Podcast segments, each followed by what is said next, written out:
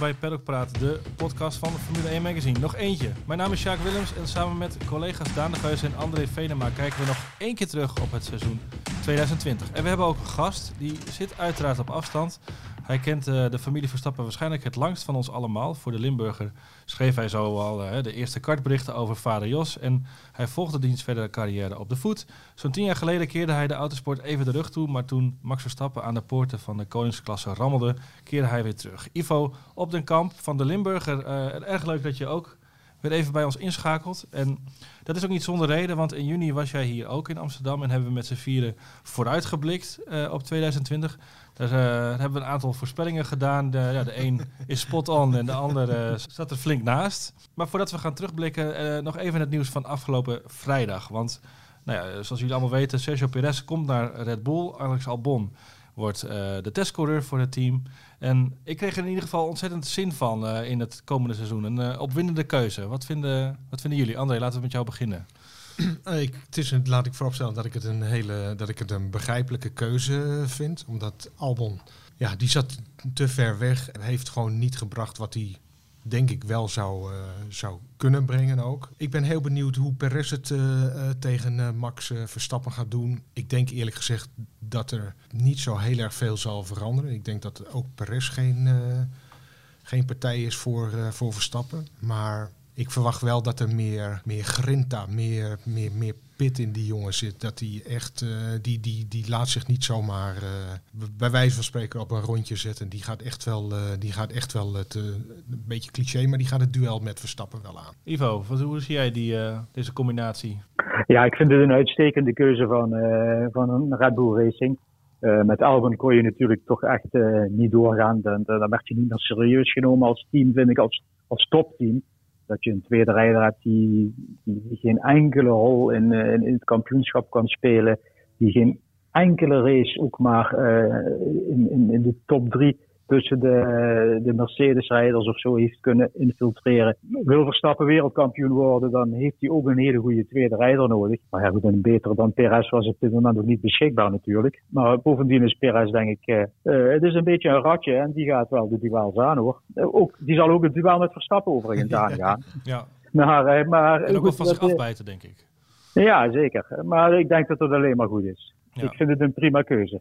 Ook al is Perez natuurlijk wel uh, is Red Bull nu een beetje van zijn geloof afgestapt. In, in de zin van dat ze altijd rijders uit de eigen opleiding willen hebben. Ja. Maar goed, dat was in wezen Verstappen natuurlijk ook eigenlijk helemaal niet. Nee, ook uh, op het laatste moment eigenlijk ja, ingelijfd. ingelijfd. Ja, ja precies. Ja. God, Ajax heeft ook al lang uh, vastgehouden aan zijn jeugdopleiding en is ook gaan kopen. En dat heeft toch ook al aardig wat succes gebracht. Dat hoeft niet per se verkeerd te zijn.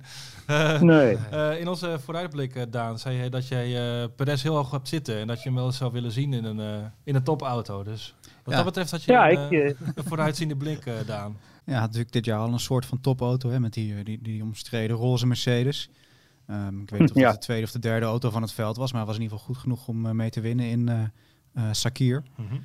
Um, ja, het wordt interessant ja. om hem naast Verstappen te zien. Ik denk, ik, ik onderschrijf volledig wat André in ieder geval zegt over zijn, uh, zijn karakter. Ja. Ik sprak eind vorige week uh, Guido van der Garde, die in de GP2 naast Perez reed. Ja. Die zei ook van, het is niet per se de sterkste qualifier, maar in de race is hij echt heel goed. Heel Ja. goed met zijn banden ook. En uh, ik denk dat, dat hij aan de ene kant de Red Bull strategische opties gaat geven, wat belangrijk is. Mhm. En er ook wel dichterbij zal zitten dan, uh, dan Albon. En het is ook een soort intentieverklaring, hè. Dat ze toch tegen Verstappen zeggen van, ja, hier is jouw... Uh, beoogde wingman. En, Mhm. en misschien ook iemand die je wel uh, wat scherper houdt dan, uh, dan Albon. Niet dat Max dat misschien heel erg nodig heeft, maar... Hij zegt van niet, hè? Hij zegt van niet, maar het is toch altijd lekker, denk ik, uh, om te weten dat je ook zelf het, beste eruit haalt. Ja, het is wel interessant trouwens. Hè. Ze hebben nu Perez voor één jaar gecontracteerd. En wat Daan zegt van hier heb je zeg maar de, de, de sterke tweede coureur. Hè, waar iedereen eigenlijk naar uitkijkt, waar iedereen ook wel om gevraagd heeft. Um, en dan is het wel uh, interessant om te zien uh, of om te gaan merken van, weet je, aan, aan, die voorwaarden is nu voldaan, maar nu moeten ze nog wel even aan de allerbelangrijkste voorwaarden voldoen volgend jaar. En dat is een, uh, een potente kampioenswaardige auto. Ja, en we gaan aan het einde absoluut nog heel eventjes in onze glazen bol kijken voor volgend jaar. Um, nog even heel iets anders, Daan. Jij bent ook een vervent filmliefhebber. Nu kwam er vorige week een ware Verstappen eh, film, docu eh, uit. Heb je die toevallig ook gekeken? Ja, die heb ik gekeken, ja. ja. Eh, Wat vond je ervan? Nou, het klinkt misschien als een beetje backhanded compliment als ik zeg dat hij me positief, positief heeft verrast. Maar als je dan hoort een geautoriseerde documentaire en dan bij, bij Ziggo Sport waarvan je weet dat het is niet de meest, ja, misschien niet de meest kritische zender als het op Verstappen aankomt, dan haal je toch een beetje je hart vast. Maar ik vond het echt een leuk inkijkje. Ja. Ehm, leuke interviews eh, achter de schermen, ook met, met, met Jos en Raymond en Max zelf. En Mhm. eh, ook gewoon leuk, eh, je kent heel veel van die verhalen natuurlijk, van die kartheid, hoe dat ging. Om dat nu bewegend te zien. En Ja. je, leert Max ook wel een beetje kennen op, een- op een wat andere manier, zonder te veel prijs te geven. Of wie hem nog niet heeft gezien. er is een hele leuke scène dat hij een beetje beschonken toe, toestand terugkeert in. Monaco. Ja. dat soort dingen. Maar ook gewoon om hem dan met die, die drie eenheden zien waar André het vaak ook over heeft van Raymond, Jos en Max. Eh, dus in die zin vond ik het echt, een, eh, ja, echt wel de, de moeite waard eh, als, eh, als Verstappen-volger. Of, of, of, of als je fan bent van Verstappen om hem eh, te kijken, inderdaad. Ja. ja. Jij hebt hem ook gezien, toch? Ja, over dat donkere fragment gesproken. Eh, wat eraan vooraf gaat, ze zitten met Ricardo Hulkenberg. Paul Di Resta zag ik nog in beeld, geloof ik. Zitten Ja. ze in, in, de, Wie had In de- gedacht dat hij eh, uit zijn bol kon gaan? in de, zitten ze in de, in de privéjet op de weg terug naar de Grand Prix van Rusland, geloof ik. Dan is Verstappen jarig. Ja. En wat, ik, wat mij heel erg aan deed denken, vroeger had je wel eens feestjes. Dan was er altijd één iemand, was, nou ja, de Sjaak. dat was jij zeg maar. vaak, of niet? Nee, maar er, wa- er was altijd één iemand die, werd dan, die had dan te veel gedronken. Die werd dan ook gevoed door de rest. En die rol zag ik een beetje voor eh, Hulkenberg en, eh, en Ricciardo weggelegd. Dus wat dat betreft zijn het ook maar gewoon, eh, gewoon eh, qua jongens natuurlijk. Alleen hebben ze een, eh, ja, net, Ja. Iets, net iets te veel geld misschien. Maar hij zat, ook, hij zat ook wel goed in elkaar, vond ik. Ja. Toch? Ja, Met, eh, nee. Ik, eh, wat je zegt, je, je verwacht misschien een beetje een, eh nou ja, een, Een eh, ja. Een Ivo Nia-achtige... Ja, ja, maar dat viel, eh, dat viel mee. En ik vond ook Jos Verstappen, die is natuurlijk, is dat wel bekend, hè, dat hele privéverhaal Ja. met, eh met eh Sophie Kompen, dat ligt natuurlijk nogal gevoelig. Dat is allemaal een vervelende voorgeschiedenis natuurlijk. En daar was hij best open over. Dat, Ja. eh, dat verraste me ook. Ik vond het ook leuk om haar wat uitgebreider te zien met die, Ja. misschien met die, met die fotoboeken. Echt, eh, heel leuk. Ja. Ja, afijn. Tot zover. Ja, het mooiste compliment moet ik zeggen was, eh, want ik ben natuurlijk daar een beetje gekleurd in, eh, zouden ze kunnen zeggen, dat zelfs de collega's bij mij bij, eh, bij de Limburger, die, eh, waar er best een aantal zitten die helemaal niet zo racefanaten zijn, dat, dat die het ook een, een- bijzonder aardige documentaire vonden, waarin toch wel wat ja, onthullingen en, naar voren kwamen en ja, wat dieper ging dan... dan dat ze verwacht hadden. Ja, ja, nee, Ja. precies. Dat was onze, Ja. onze conclusie ook wel. Perlpraat. We hebben dus eh, met Formule 1 Magazine hebben wij een jaaroverzicht gemaakt. En aan de hand daarvan gaan we ook even door het seizoen heen. Dat jaaroverzicht dat, eh, ligt nu in de winkel, althans in de, in de supermarkten die nog open zijn. Ehm, via onze site is hij ook te bestellen in een, eh, een, een combi-deal samen met onze Max Verstappen special. Voor 17,50 euro heb je die twee in bezit. Het zijn twee hele mooie dikke nummers. En we laten hem ook gratis bezorgen. Ja, met poster. Met En poster. een hele leuke quiz ook. We hebben interviews met Frans Tost, met Mark Webber, Christian Horner en natuurlijk eh, Jos en Max zelf. Die hebben we dit keer apart van elkaar gesproken. Zeker ook de moeite waard. Dus zoals gezegd, via Formule1.nl is deze te bestellen. eh, in combinatie met ons jaaroverzicht. 150 pagina's dik. Eigenlijk het mooiste beeld. Alle cijfers, alles wat je moet weten over dit seizoen eh, staat erin. En die zijn eh, ja, samen te koop dus voor 17,50 en gratis bezorging. Maar laten we beginnen met... eh, met Williams. We zeiden in, in juni bij onze vooruitblik, waar Ivo dus ook bij was, dat Latifi het beter zou gaan doen als Robert Kubica. En onze vraag, dat zei jij Down trouwens, heeft hij dat ook gedaan? Mm, marginaal misschien. Ja. Ja. Ik vond hem eh, in de races sowieso beter dan in de kwalificaties. In de kwalificaties eh, is eh, Mr. Saturday Russell echt eh, ongenaakbaar. Ja. Ehm, maar in de races, ja, gewoon gedegen, niet, niet spectaculair of zo. Nee. Nee, dat, Ja. we weten natuurlijk allemaal dat, hij, dat zijn, zijn zijn stoeltje veilig is. Maar is hij Formule 1 waardig? Wat vinden jullie? Eh? Nou, dat vind ik eigenlijk niet. Het, verschil was wat minder groot dan, dan met Kubica. Maar met alle respect voor Kubica, het was wel eh, een een coureur die niet 100% fit is. Hè. Maar goed, daar kan hij zelf verder niks aan doen. Met Latifi krijg je dan een, eh, een, een, een 100% fitte coureur bij Williams. Maar hij heeft me op geen enkele manier uh, ook maar indruk op me kunnen maken. Nooit, iets, nieuw, nooit iets gezien waarvan ik dacht van, hé, hey, nee. weet je, poeh, nee. een manoeuvre, een actie of wat dan ook. Ik heb er echt helemaal niks gezien uh, van, die, uh, van die jongen. Tijd, en het, ja. het, is, weet je, ik, ik, sprak in Bahrein ook nog met, met de Britse collega's en die zeiden van, uh, weet je, Latifi is, is de slechtste paydriver van de laatste tien jaar. En weet Ja. je, en daar kunnen ze maar zo gelijk in hebben. Ja. Ja, we houden Nou, tijdens, dat- tijdens dat race weekend houden we altijd een, eh een live blog bij. eh Dani begint al te lachen. En eh, tijdens de vrijdagtrainingen dan, eh, ja, dan, dan een van ons moet dan het verslag maken. En dan, als het nog niet gebeurd is, dan zeggen we altijd tegen elkaar, ja, het is nog even wachten tot eh, Latifi nog, eh, nog spint. En dat kwam toch best vaak uit ook. Want op vrijdag eh zette hij hem altijd wel één De keer eh, eh, achter zijn voren. Vroeger had, vroeger had je dat altijd met Grosjean. Altijd Ja. het uh, Grosjean Ja, ja, ja. Maar dat had je nog steeds wel hoor. Stond op Ja. de bingo kaart. Maar eh, nog een andere voorspelling, dat vond ik nog wel grappig, eh, André. Jij zei in, eh, in juni dat eh je, had verwa- je verwachtte wel dat Williams verkocht zou worden. Nu diende dat zich natuurlijk al aan. Dat, eh er waren, dat team zat in de problemen. Ja. En je zei ook nog te hopen dat de naam Williams niet zou eh, verdwijnen. Dus eh, die Ja. had je goed. Ze hebben goed geluisterd eh, Ja. eh, naar mij. Dat waardeer ik, eh, waardeer ik zeer. Het orakel van eh Blaricum. Luister ook de redactie maar zo goed, hè? Nee, maar goed, dat was niet een heel erg gewaagde, gewaagde voorspelling. Ik vind, het, eh, ik vind het goed ook voor de sport dat, dat Williams niet is verdwenen uit de Formule 1. Hè. Mhm. Dat zou toch wat geweest zijn als we negen teams hadden gehad in plaats van, eh, van tien. Eh, dat de naam Williams behouden blijft. Ik hou van, van nostalgie en, eh, en van, van historie. En ik vind, het, eh, ik vind het prachtig. Ik vind Williams echt ook een, een, een prachtig naam, een, een prachtig, eh, prachtig team. Williams is wel een team dat in 2022 zomaar in één keer de sprong eh, naar de middenmoot of misschien wel meer kan gaan maken. Dus daar ben ik wel heel erg benieuwd naar. Ik vind wel dat, zoals die partij die het nu heeft opgekocht door Hilton Capital, dat is natuurlijk wel een beetje een, een onbeschreven eh, blad. Wat zouden hun plannen zijn met een, eh, met een Formule 1 team? Hè? Die kwam eigenlijk een beetje vanuit het niets. eh, je hoort hele eh, gemengde verhalen over wie Ja. er nou achter zitten. Hè. Er gingen wat verhalen dat het... eh, Ecclestone zelfs nog. Ecclestone zou Ja. zijn, de familie Latifi zou Ja. erbij betrokken zijn. eh Graham Loudon, die eerst Manor eh, rende, zou een rol in hebben gehad. Zelfs eh, de Britse koninklijke familie werd erbij eh, genoemd. Dus misschien binnenkort een kroontje boven de Williams naam. Ja. Dat weet ik. Ik weet niet hoe het in Engeland werkt, maar...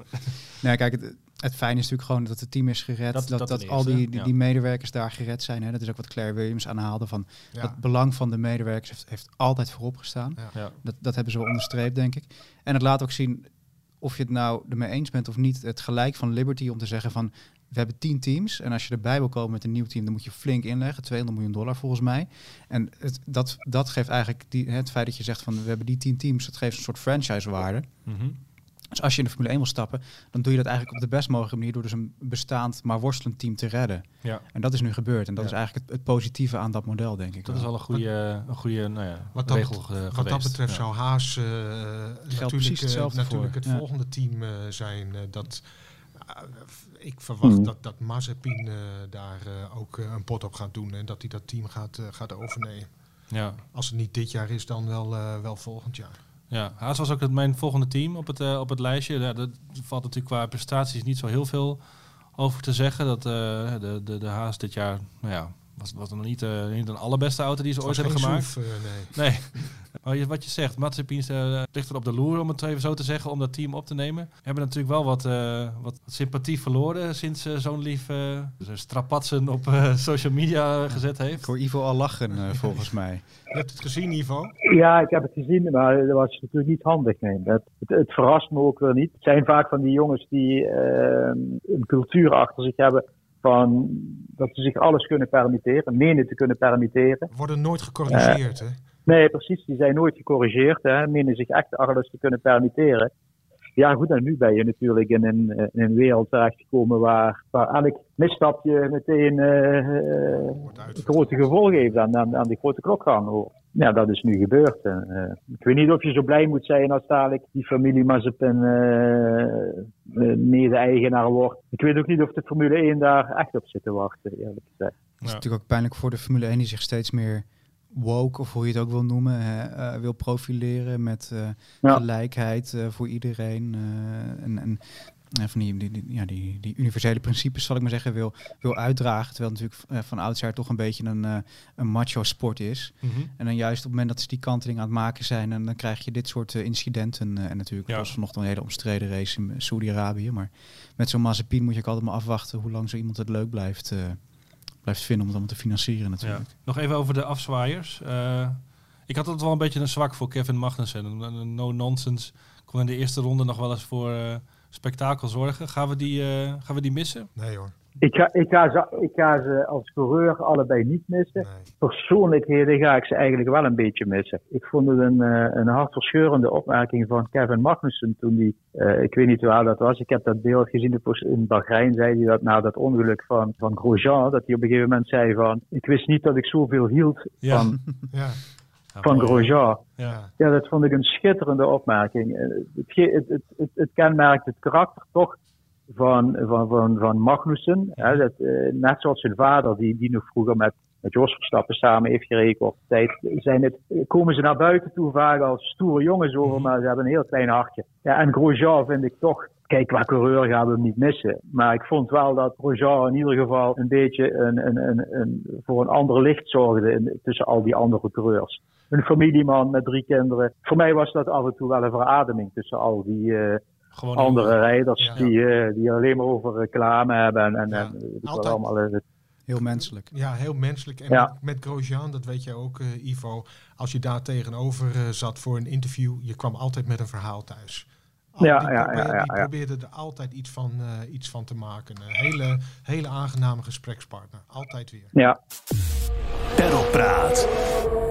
Volgende team, Alfa Romeo. Alfa Romeo, hoe je het ook wil zeggen.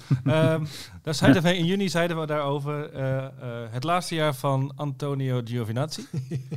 we zeiden, Had het natuurlijk ook moeten zijn. Maar goed, eh, zoals bekend, Rij- Räikkönen en Giovinazzi mogen nog een jaar eh, blijven. We Ja. zeiden ook, dikke overwinning voor Finland, zei je nog André. het is uiteindelijk 9-8 Ja. voor eh, Giovinazzi geworden. ja. Dus hij, er zit wel progressie in bij, de, bij, bij hem. Daar kun je, Als je het zo bekijkt, eh, zit, er bekijkt. zeker, zit er zeker, zeker progressie in. Maar, eh, misschien, of Kimi gaat wou net zeggen, eh, ik denk dat het meer zegt over, eh, over, eh, over de, ja, de nou, aftakeling is misschien niet het goede woord, maar ik wou zeggen, hij heeft toch wel redelijk nog le- wat leuke dingen laten zien. eh. ja. nee, maar ik vind Kimi dit jaar eh, eh, in de kwalificatie zwak geworden. Ja. Maar in de races heb ik hem nog wel af en toe leuke dingen zien doen. Maar in, in de kwalificatie is hij op een of andere manier, eh, vond ik hem dit jaar eh, zwak. Maar het was ook wel zijn nou ja, veel gehoorde klacht eigenlijk. Hè? Bij, eh, vooral bij Rijkeren. Dat deze auto over één ronde gewoon te langzaam was. En maar dat hij in de race er nog Ja. wel eens mee eh, nou ja, voor, voor verrassingen kon zorgen. Ja, maar ik heb toch de, ik heb toch de indruk bij Rijkenen dat, eh, weet je, elk jaar dat hij nog kan rijden is, is, is meegenomen. Het is een oud wereldkampioen Mhm. en hij zal ongetwijfeld, eh, hè, want het is natuurlijk een hele, op, op, te- op, op technisch gebied een hele, hele handige en, en pintere jongen. En ik denk dat hij daarvoor eh, nog, eh, nog nuttig kan zijn bij, eh, bij, bij Alfa. Maar Mhm. als coureur, weet je, wat wordt hij? Hij wordt 42. hè. Ik denk toch echt dat wat dat betreft, eh, dat er eigenlijk wel een streep onder gezet had Ja. kunnen worden.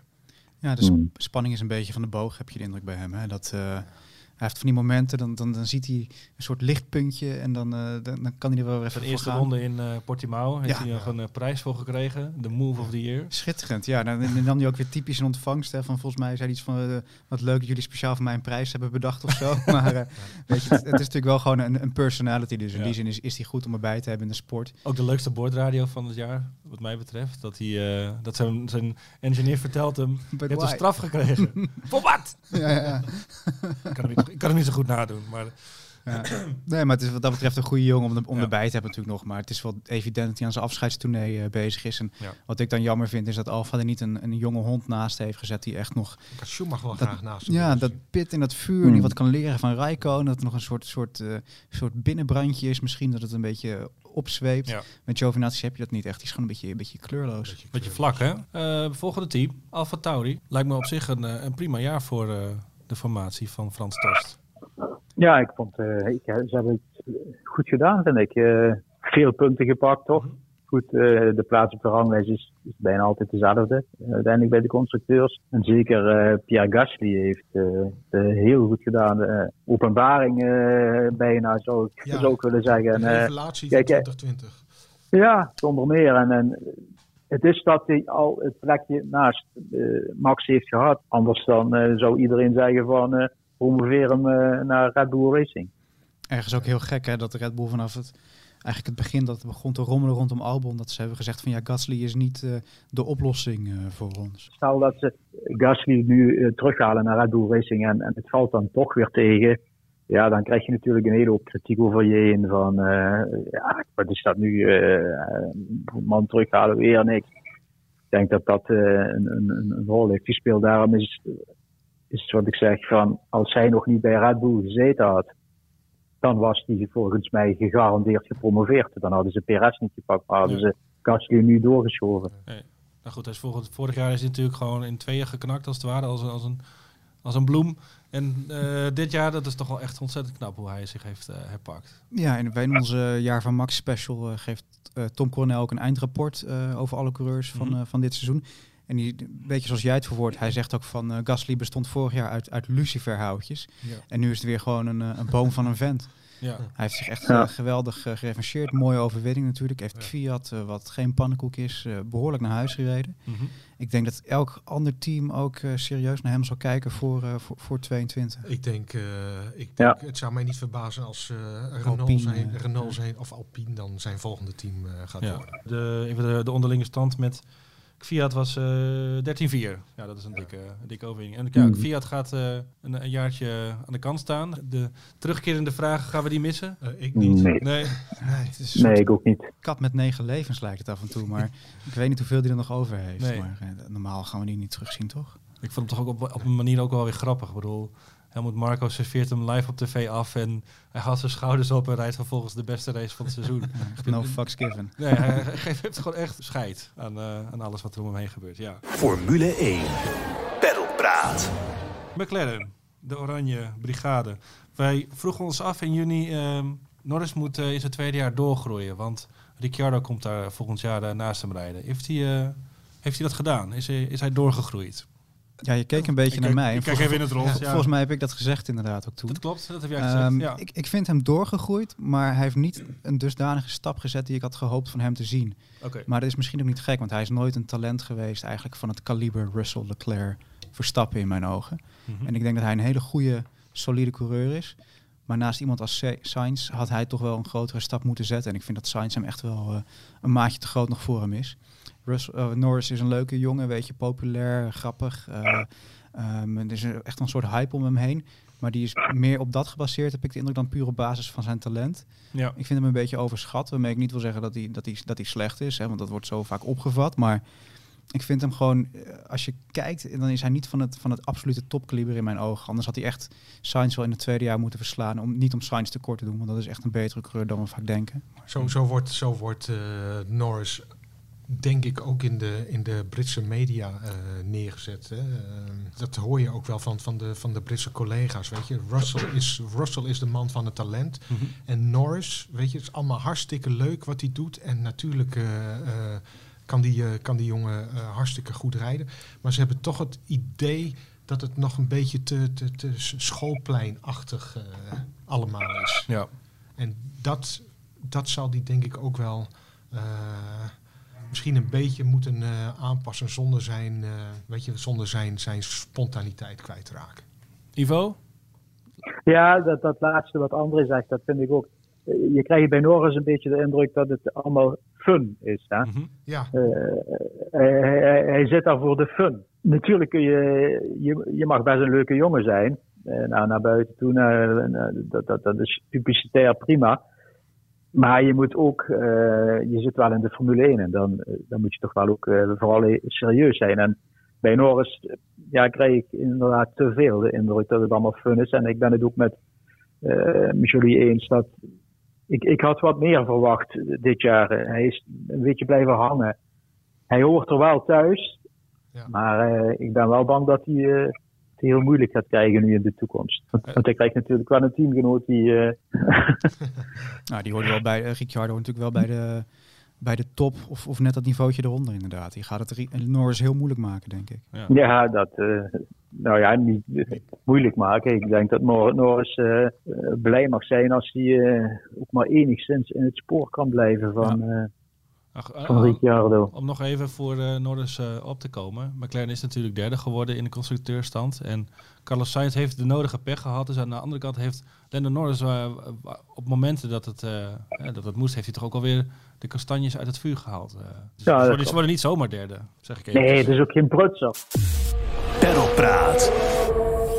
Een tijdje geleden spraken wij uitgebreid met reporter en coureur Allard Kalf over zijn bestaan in de autosport. Eerst als fan, als ambassador racetalent en uiteindelijk als pitreporter in de Formule 1. Kalf heeft zijn belevenissen gebundeld in een boek, geschreven door onze columnist Koen Vergeer. Na het gesprek heeft Kalf een flinke stapel achtergelaten waar we jullie, de podcastluisteraar, wellicht blij mee kunnen maken. Daarvoor moet je naar formule1.nl slash kalf, met dubbel F is dat. Word abonnee voor 55 euro van Formule 1 Magazine. Dan krijg je 12 nummers special en dus dat boek van Allard Kalf, Een leven in de racerij cadeau. Je kunt ook voor het volle pond gaan. Dan krijg je 18 nummers Formule 1 Magazine, drie specials en het boek van Allard Kalf en Koen Vergeer als welkomstcadeau. Nogmaals, formule1.nl slash kalf met dubbel F. Maak gebruik van een van de twee aanbiedingen en krijg het boek cadeau. Formule 1. Pedalpraat. Ja, we hadden het net al even over Renault. Eh, toen wij de, de, de vooruitblik opnamen, was het natuurlijk ook bekend dat Ricciardo daar zou vertrekken. En zeiden wij, Ricciardo hoeft nergens meer op te rekenen binnen het team. Die rijdt voor zichzelf. Wat vinden we nu van die voorspelling? Ik vind, Klinkt als een André-uitspraak. Volgens mij was André en Ivo die dit inderdaad eh, Ja, nou ja, stelden. normaal gesproken zou dat denk ik ook, eh, ook wel zo zijn. Ja. Maar ehm, ja, Renault. Ik, ik denk dat. Laat ik het zo zeggen. Ik denk dat Renault eh Ricciardo, Ricciardo meer nodig had dan andersom. Eh, zeker met, met, met wat betreft de ontwikkeling eh, van de auto. Mhm. En dat, ik denk ook dat je dat wel aan het einde van het jaar hebt kunnen, kunnen zien en horen. Met name hoe Abit de Boel eh, Ricciardo heeft bedankt ja. voor wat, eh, voor wat hij allemaal heeft En dat was ook wel eh, echt, vond ik. Dat was, Dat was ook- dat dat was ook echt een team. Ja, en Ja. Dat, was ook, dat, was ook, eh, dat was ook wel gemeend. Daar ben ik echt, eh, echt van overtuigd. Ehm, en ik denk dat, eh, nou ja, goed, ze hebben, ze hebben natuurlijk eh, Alonso als opvolger gehaald. En eh, dat is geen toeval, want ze hebben eh, ervaring en routine nodig, ook met het oog op de toekomst. Hè, met 2022, daar is Renault of Alpine helemaal, eh, helemaal mee, eh, mee bezig. Maar ehm, Waar wilde je heen? ja, dat, dat weet ik eigenlijk niet meer. Ik, ik vind dat het Ricciardo of zich, zich zeer goed heeft gemanifesteerd eh, dit jaar bij, eh, bij Renault. Ja. Renault hem daar ook zeer erkentelijk voor mag zijn. ja. Ivo, jij zei eh, in, in juni, Ricciardo gaat Ocon vermorzelen. Dan heb ik even niet het Ja, cijfer wat jij had, gedaan. maar dat is uiteindelijk 15-2 geworden. Dus Ja. Dat was op zich een goede eh, inschatting. We noemden Ocon ook nog eventjes als een eh, intrigant, noemde jij hem André. Iemand die van politieke spelletjes houdt. Een, een nar is het, hè? de boel... eh Weet je, je, een beetje- Ja. een- Je prikken en steken. Je prikken en steken, dat, Ja. eh, dat heb ik niet echt gezien. Nee. Hij, had, hij, hij zit natuurlijk niet echt in de positie. om dat Nee, te maar dat, Nee, komt precies. omdat hij door, eh, dat komt ook omdat hij door Ricciardo echt Precies. helemaal Ja. overvleugeld Ja. is. Hè. Ja. Dat, eh, Hij heeft niet eens de kans gekregen om wat te strijken of wat dan ook uit te halen. nee. Nou, Nee. is eigenlijk kalt eh, gesteld. Koud gesteld, ja. Dus En als- ja. Ja. En als het volgend jaar eh, met Alonso ook gebeurt, dan eh, weet ik wel wie in 2022 voor, eh, voor Ocon eh, in die auto kruipt. Pierre Gasly. Yes. Ja. Racing Point. We schatten hun in als vierde team in juni. Ja, dat zaten we, dat zaten we op zich eh, zaten we goed. Zonder penalty waren ze volgens mij ook. Oh nee. Dan waren ze derde geworden. Zonder penalty waren ze derde geworden. Ja. Ja. Ja, Sergio, Sergio Perez gaat daar natuurlijk weg. Sergio Perez eh, eh, won het onderlinge duel met, eh met Lance Stroll. Even kijken. 10-4. Dat is vrij duidelijk. Hè? Ja. Zal Racing Point daar spijt van hebben? Of denk je dat ze met Vettel toch wel... eh, Nou, Daar genoeg je, voor terugkrijgen. Vettel, eh, Vettel heeft volgens mij ook eh, aandelen. Ik weet niet zeker of die aandelen heeft gekregen of gekocht. Of dat dat bij de deal in zat in, eh, in Aston Martin. Dat is een zakelijke en denk ik ook publicitaire eh, beslissing geweest. mhm. Hè, want laten we eerlijk zijn, voor Racing Point zou er geen enkele. er- ik kan geen enkele reden bedenken om, om, om niet door te gaan met Perez. Ja, Nee. die reden zit in een andere auto. En eh, heeft dezelfde achternaam als de baas Ja. natuurlijk. Tuurlijk. Ja, precies. Dat, dat is weer, Maar is het een, eh, het is wel een, team on the rise, denk ik. Het- ja, ik bedoel, hè, kijk naar wat Stroll allemaal eh, investeert. Ja, eh, en wat nieuw- die, nieuwe fabriek komt er natuurlijk nieuwe aan. eh. fabrieken. Ik heb wel de indruk dat, dat Stroll, hè, dat is natuurlijk een gewiekste, gewiekste zakenman, die, eh, die, die investeert wel heel erg zorgvuldig en eh, planmatig. Daar zit, echt een, eh, daar zit echt een idee achter. Ja. En dat is in het verleden bij, bij dat soort rijke mensen wel eens anders geweest. En mm, ik denk ook dat Aston Martin dat dat een team is dat op termijn ook zich, zich eh, in de, tussen, bij de top 2 of Lijkt bij me, de lijkt top me 3 geweldig. gaat Ook als in het groen gaan racen. eh. Ja. Staat in eh, de special het jaar van Max van onze eh, ja, columnist Koen Vergeer een eh, Ja. mooie literaire bijdrage over hoe de toekomst van eh, Ja, Aston Martin met Stroll eruit kan zien. Dat is Ja. echt een eh, ja, mooie fictieverhaal is dat Ja. geworden. Het kan, het, kan, nee, het kan een hele mooie toekomst hebben. Aston Martin is natuurlijk, ja, hoe zit het wel of keer, dus is natuurlijk wel een begrip in, in, in, in de autosport. Niet zozeer in de Formule 1, maar in de autosport wel. Mhm. Mhm. Wat denk jij, Ja, I- het- Ivo? Gaat Vettel zich eh, herpakken daar? Gaat hij laten zien dat Ferrari onterecht was om hem weg eh, te sturen? Ja, bij Vettel heb ik altijd, altijd het idee gehad dat als hij een goede auto had, was hij bijna onverslaanbaar. Is echt onverslaanbaar. Maar zo gauw hij een auto heeft die niet helemaal oké is, slaagt hij er op een of andere manier niet in daar eh, een, een, toch nog een winnende auto van te maken. En ik vraag me af of de Aston Martin volgend jaar al zo goed is dat, eh, dat je daarmee eh, een winnende auto hebt. Dus ik heb daar een beetje twijfels bij, bij Vettel. Mhm. maar goed, eh, eh, Ivo, jij zei net als vol, of ze, je weet niet of ze volgend jaar een winnende auto hebben, maar die hadden ze dit jaar natuurlijk al wel. eh. dus waarom zou die volgend jaar niet ook nog Ja. zijn? Ze hebben een race gewonnen. Ja, nee, dat, dat klopt. Nee, dus Nee, maar goed, er waren eigenlijk. Er was eigenlijk wel één winnende auto dit jaar, eerlijk gezegd. Maar. ja, ja. maar ik vind het wel een. Ik, ik, ik ben daar wel heel benieuwd hoe dat gaat. Ik denk dat hij dit jaar wel bewezen heeft als eh, persoonlijkheid bij Aston Martin te passen. Het is toch een beetje een gentleman's auto. Hè? De James Bond eh, imago zit er natuurlijk ook nog een beetje aan vast. Eh, Vettel heeft dit jaar zich wel heel erg eh, gemanifesteerd als, nou ja, als, als een, een, Grand old man. een grand old man. Hij heeft Ja. zich niet om zich heen geslagen. Hij, heeft, Ja. hij is altijd opgekomen ook voor de, de mensen in de garage. Over het management heeft hij het hele jaar geen woord gesproken. Terwijl hij natuurlijk genoeg over te zeggen had. Dat was al duidelijk. Dat, dat, dat vind ik dan wel weer eh, dat vind ik wel een, een, een pluspunt aan het Vettel seizoen. Niet zozeer zijn prestaties op de baan, maar hoe hij om is gegaan met die nou, enorme teleurstelling. Dat toch wel dat hij niet Ja. bij Ferrari mag blijven. En ik vind het wel mooi aan Vettel dat hij eh, zich een beetje buiten de groep plaatst door eh, eh, niets aan social media te doen. En- Ja, ja. Ja. dat, dat, Ja, dat dat scoort mij bij wel aan. Ja. Ja. Ja, dat scoorde mij punt. Hij, hij, hij heeft zelfs in een interview gezegd dat hij, eh, dat hij er heel veel plezier aan ondervindt om de papieren krant te lezen. Ja. Dat, dat, eh, dat spreekt mij natuurlijk sowieso wel aan. Een oude, oude ziel eh, wat dat betreft, ja. Ja, nee, maar, maar dat is ook, dat is ook wel een beetje bekend van, eh, van Vettel. Oude is- auto's, oude de Beatles. auto's. Het is een lief, Ja. liefhebber van eh, de Beatles. eh, Een beetje nostalgie, daar houdt hij wel van. Ja. Ja. ja, ja, ja. Hij is ondertussen wel naar huis gereden trouwens met 13-4 door Leclerc. Ja, zagen we een beetje aankomen vorig jaar natuurlijk. al. Ja. Perlpraat. Mercedes hebben we dan. Eh, Ivo, in juni zei jij, eh, er, was er, toen nog, er was toen nog sprake van eh, een kalender van 12 races. En je zei, het onderlinge duel zal naar Hamilton gaan met 11-1. Het is uiteindelijk 11-5 geworden. Dus op zich Ja. zit, je, zat je aardig in de richting. Ja, maar dat was niet zo moeilijk, denk Ja, ik, die voorspelling. Ik denk dat, dat iedereen dat wel Ja. voorspeld had. eh, dat, eh, dat Hamilton Bottas zoek zou rijden. Ja, dat is gebeurd. En ja, eigenlijk op een manier die nog, nog erger dan ik verwacht had eigenlijk ja, ja Ik bedoel, was ja, laten we eerlijk zijn, eh, Hamilton was natuurlijk ja, eh, zo dominant als maar wat. vanaf het begin, hè? Ja, goed, de allereerste race had Ja, hij, eh, maar- even nog een beetje tegen, maar daarna Ja. daar was geen maat op. En heeft, binnen het team heeft Bottas denk ik wel weer voldaan aan wa- wat hij moest doen. Zijn puntjes weggepakt bij, eh, bij Verstappen af en toe. En eh, Voor zover dat nodig was natuurlijk. Ja. voor zover dat nodig was, ja, inderdaad. En, eh, ja, eh, voor Hamilton is het een prima, prima tweede rijder. Die zal hem eh, prijzen tot, eh, tot Ja. het einde. Denk je dat, eh, dat, dat Bottas nog even wakker is geschud met die invalbeurt eh, van, van, van Russell? In dat opzicht eh, weet je natuurlijk wat hem eh, na komend jaar te wachten staat waarschijnlijk. Ja. Denk je dat hij dat nog Ook een beetje afhankelijk van wat Hamilton gaat doen. Of staat het gewoon vast? Nou, dat staat vast lijkt me. Ja? Ik kan me niet voorstellen dat dat Bottas dat nog om kan draaien. Of hij moet echt met overmacht eh, kampioen worden, maar dat gaat niet gebeuren. En zelfs dan eh, denk ik dat geen, misschien, in eh, geen duizend jaar dat ze het, dat ze het misschien eh, wel genoeg vinden. Dus, eh, Nee. nee, en ik denk dat Bottas dat ook ergens wel weet hoor. Dat, eh, Jij zei van of Ja. hij nou, nou wakker is geschud. Maar Sakir was eerder een, eh, een soort nachtmerrie eh, voor Bottas, eh, denk ik. En daar word je toch ook wakker van? Ja, dat, dat is ook weer zo. Maar die, eh, nee, die, die, kijk, die moet zich gewoon volgend jaar op concentreren dat hij, dat hij nog bij een goed subtopteam ergens eh, terecht kan komen, als hij dat al wil. Ja.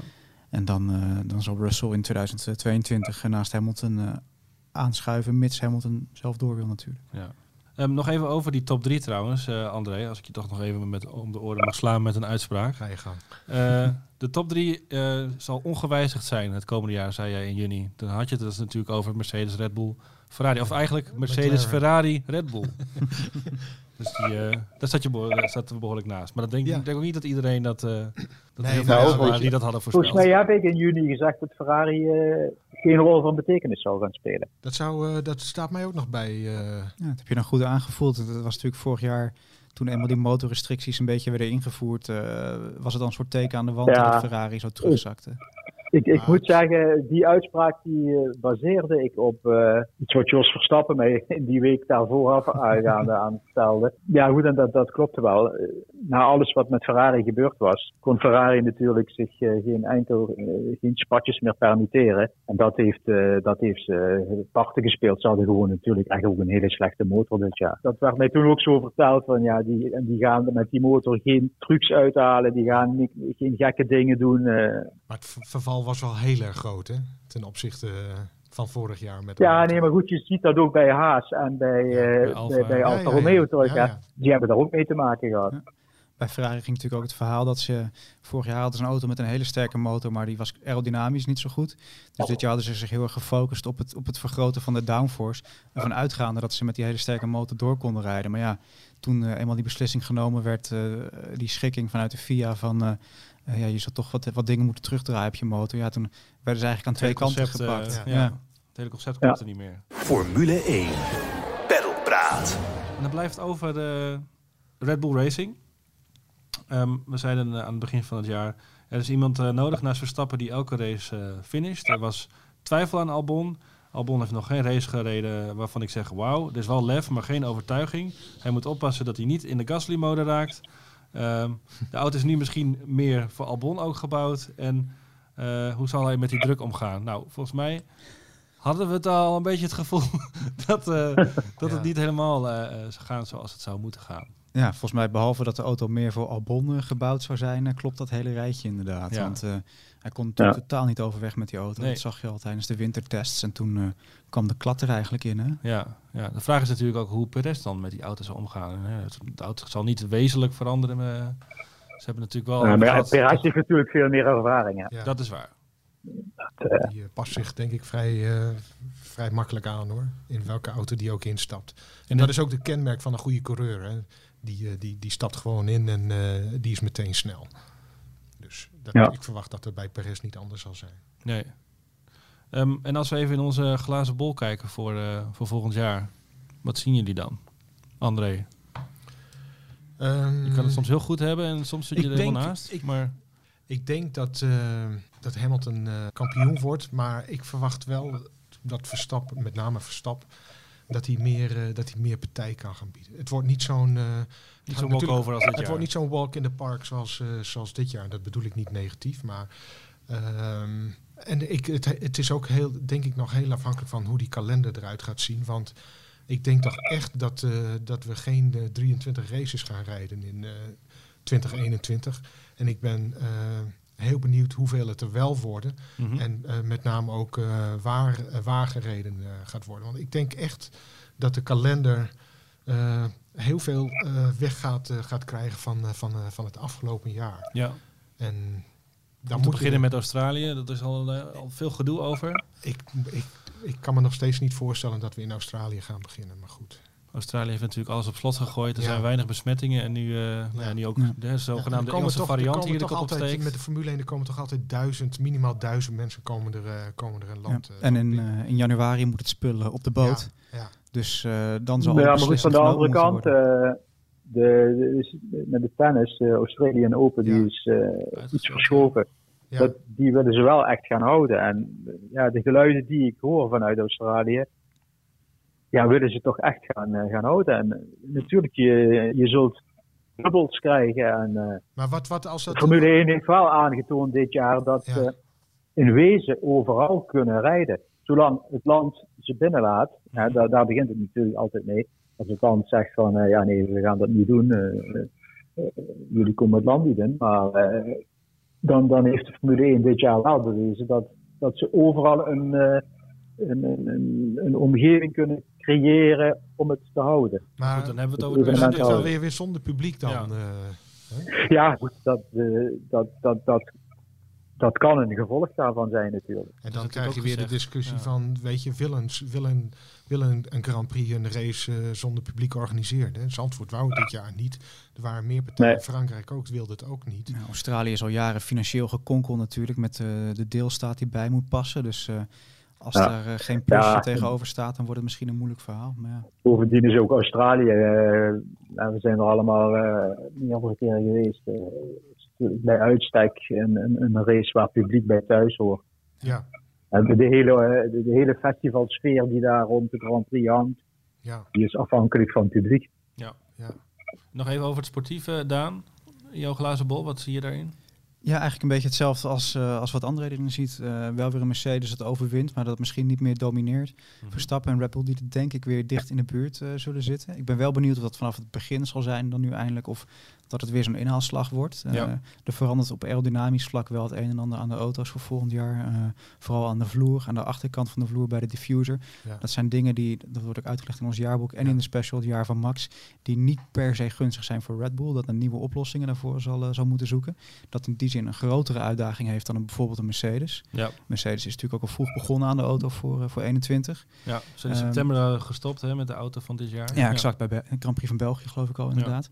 Dus, ehm, dus dat wordt wel interessant wa- wat, wat dat betreft. Je, je kan Red Bull moeilijk het voordeel van de twijfel geven. Dus vandaar dat ik op een, op een sterk Mercedes eh, reken nog altijd. Ja, En dan, eh, ja, dan kijk je uiteraard naar, eh, naar Hamilton voor, eh, voor nummer 8. ja. Ja, er is geen enkele reden, eh, denk ik ook, om, om aan te nemen dat Mercedes niet eh, weer de, Ja.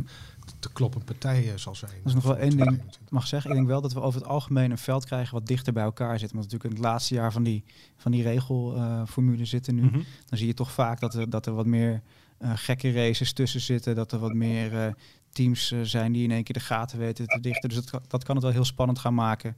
Achter Mercedes en Red Bull vooral, denk ik. Ja, bij Red Bull zijn ze er altijd heel goed in om eh, hoop te creëren onder de, Ja.